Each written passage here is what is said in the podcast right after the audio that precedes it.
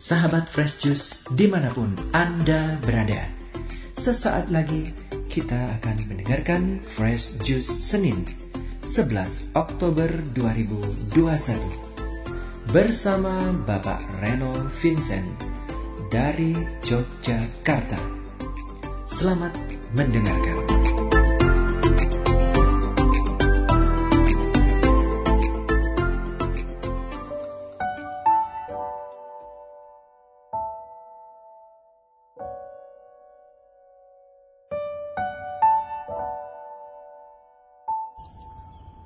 Shalom, saudari-saudara, para sahabat Fresh Juice yang terkasih dalam Kristus, berkah dalam. Kembali saya Reynold Vincent dari daerah istimewa Yogyakarta mengudara menemani Anda sekalian merenungkan bacaan Injil pada hari ini yang diambil dari Lukas bab 11 ayat 29 sampai 32. Ketika orang banyak mengerumuninya, berkatalah Yesus, "Angkatan ini adalah angkatan yang jahat. Mereka menghendaki suatu tanda, tetapi kepada mereka tidak akan diberikan tanda selain tanda Nabi Yunus." Sebab seperti Yunus menjadi tanda untuk orang-orang Niniwe, Demikian pula lah anak manusia akan menjadi tanda untuk angkatan ini. Pada waktu penghakiman, ratu dari selatan itu akan bangkit bersama orang dari angkatan ini dan ia akan menghukum mereka. Sebab ratu ini datang dari ujung bumi untuk mendengarkan hikmat Salomo. Dan sesungguhnya yang ada di sini lebih daripada Salomo. Pada waktu penghakiman, orang-orang Niniwe akan bangkit bersama angkatan ini dan mereka akan menghukumnya.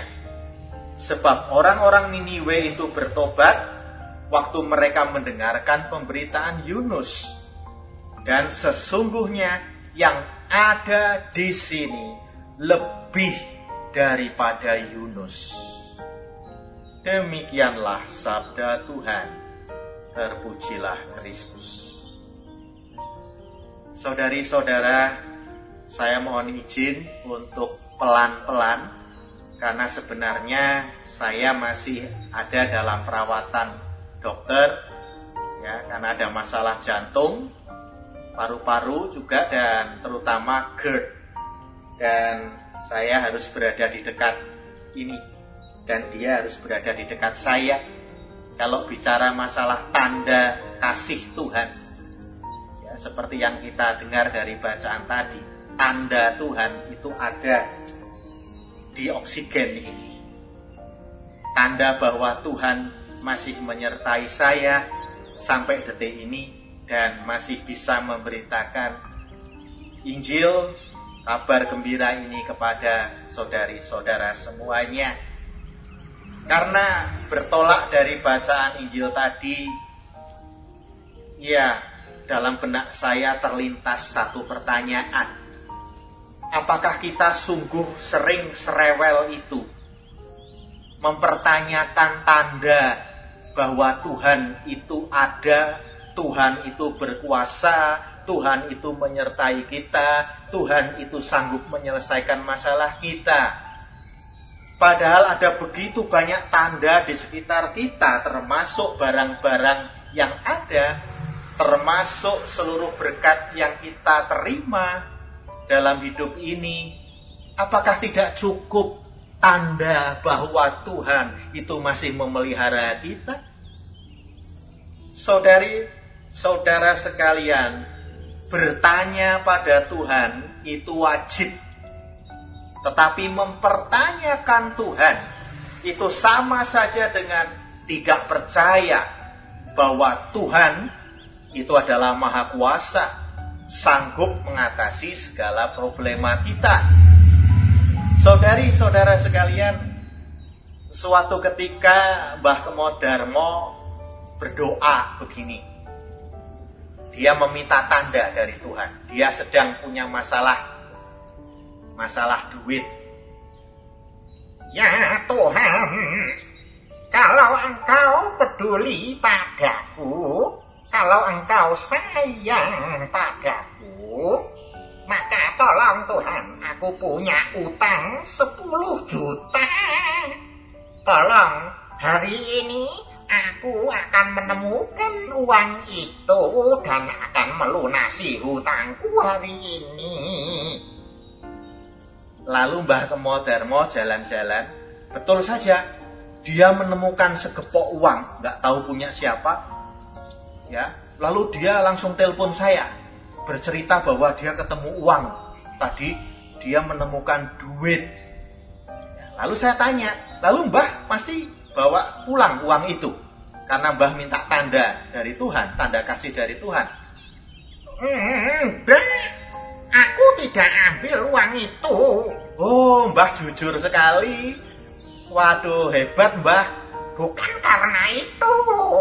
Setelah aku hitung-hitung, itu kok cuma 7 juta. Lah utangku 10 juta. Ya nggak ku ambil uang itu. Walah, Mbah, Mbah. Saudari-saudara sekalian, kita ini sering seperti Mbah Kemo itu tadi ya. Mengatur Tuhan, meminta tanda agar Tuhan memberikan tanda kasihnya seturut dengan pikiran kita, seturut dengan kehendak kita sendiri.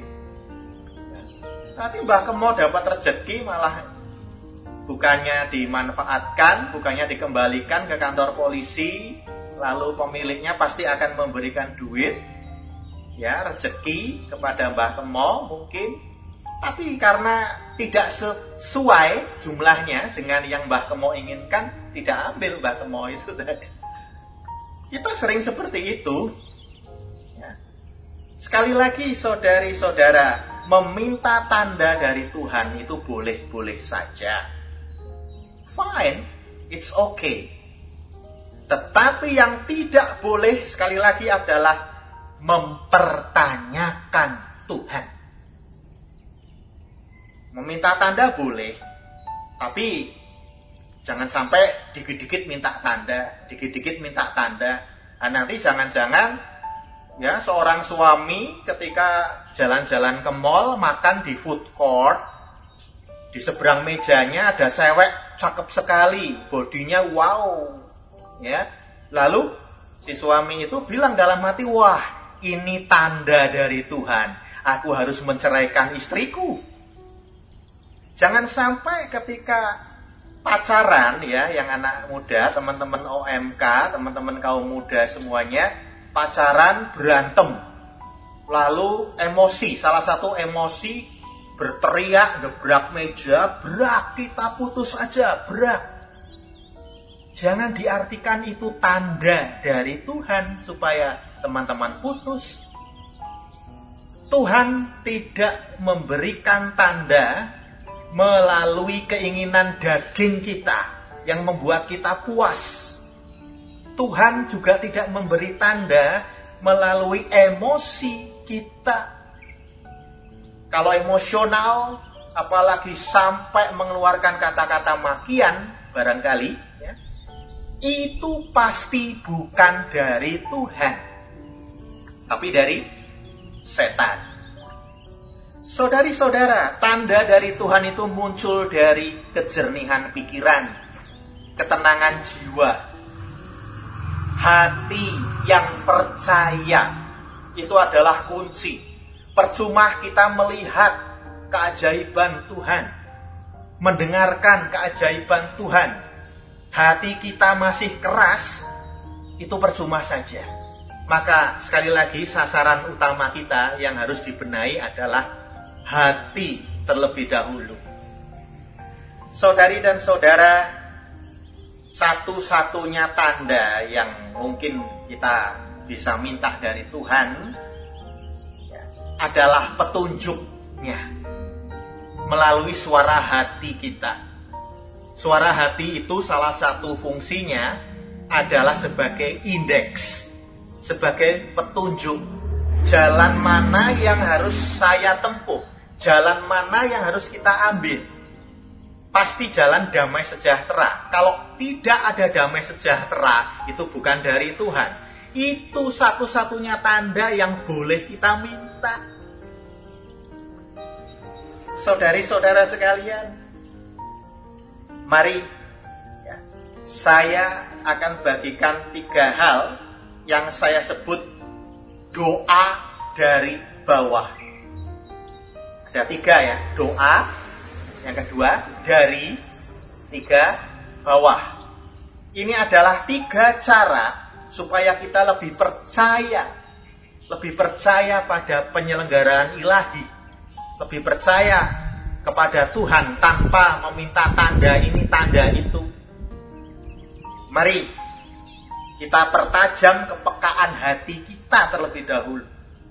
Kita pertajam suara hati kita terlebih dahulu dengan doa dari bawah. Doa adalah meningkatkan kualitas doa. Saya tidak mengajak Anda untuk mempersering doa karena saya yakin Anda semua sudah sering berdoa. Tetapi yang saya ajak adalah meningkatkan kualitas doa kita bukan hanya sebagai formalitas, tapi benar-benar diresapi, benar-benar diselami, benar-benar dihayati sebagai sebuah percakapan yang intim dengan Tuhan sendiri. Kalau keintiman itu muncul, mintalah tanda. Maka Tuhan akan kasih melalui suara hati kita yang akan memberikan damai sejahtera. Kalau kita melakukan ini, itu, ini, itu, Tuhan akan kasih petunjuk kok. Itu. Kepekaan hati melihat anugerah Tuhan di sekitar kita. Itu bisa kita latih dari doa yang intim. Yang kedua, saudari-saudara, dari ya, doa dari bawah. Dari itu dari kata menyadari. Menyadari sekitar kita begitu banyak berkat yang Tuhan sudah berikan untuk menolong, untuk membantu kita. Contoh saya, ini berkat Tuhan. Teman saya meminjamkan tabung oksigen ini kepada saya. Orang tua saya ketika saya ulang tahun kemarin menghadiahkan kepada saya tabung oksigen juga untuk membantu saya karena saturasi saya sering drop, nafas saya sering tersengal-sengal, sering sesak. Ini tanda bahwa Tuhan masih memelihara saya. Mari kita sadari sekitar kita, banyak berkat yang Tuhan berikan melalui orang lain kepada kita.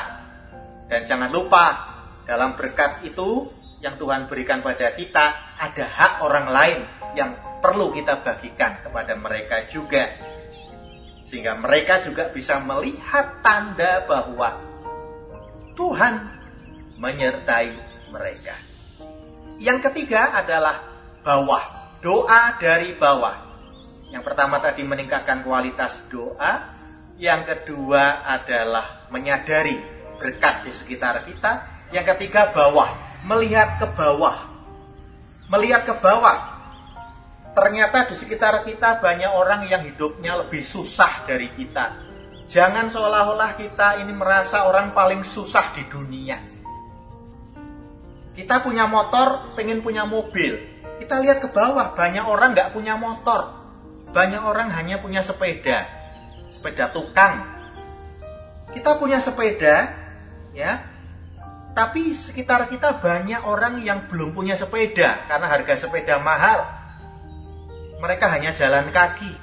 Jadi melihat ke bawah itu menumbuhkan rasa syukur kepada kita. Rasa syukur kepada Tuhan melalui suara hati kita. Sehingga kita tidak lagi menuntut tanda dari Tuhan.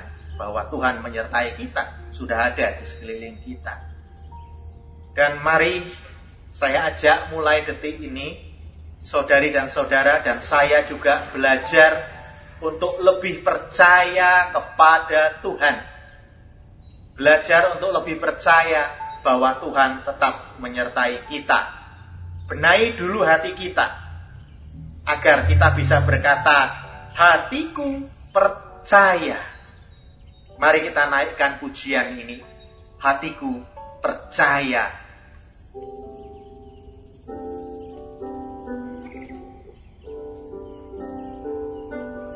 Saat ku tak melihat jalanmu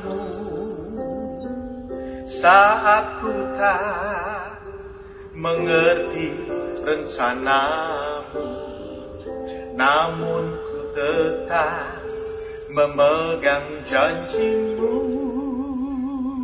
Pengharapanku hanya padamu. Hatiku percaya Hatiku percaya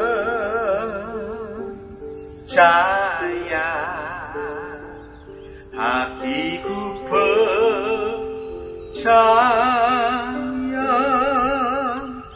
Selalu ku percaya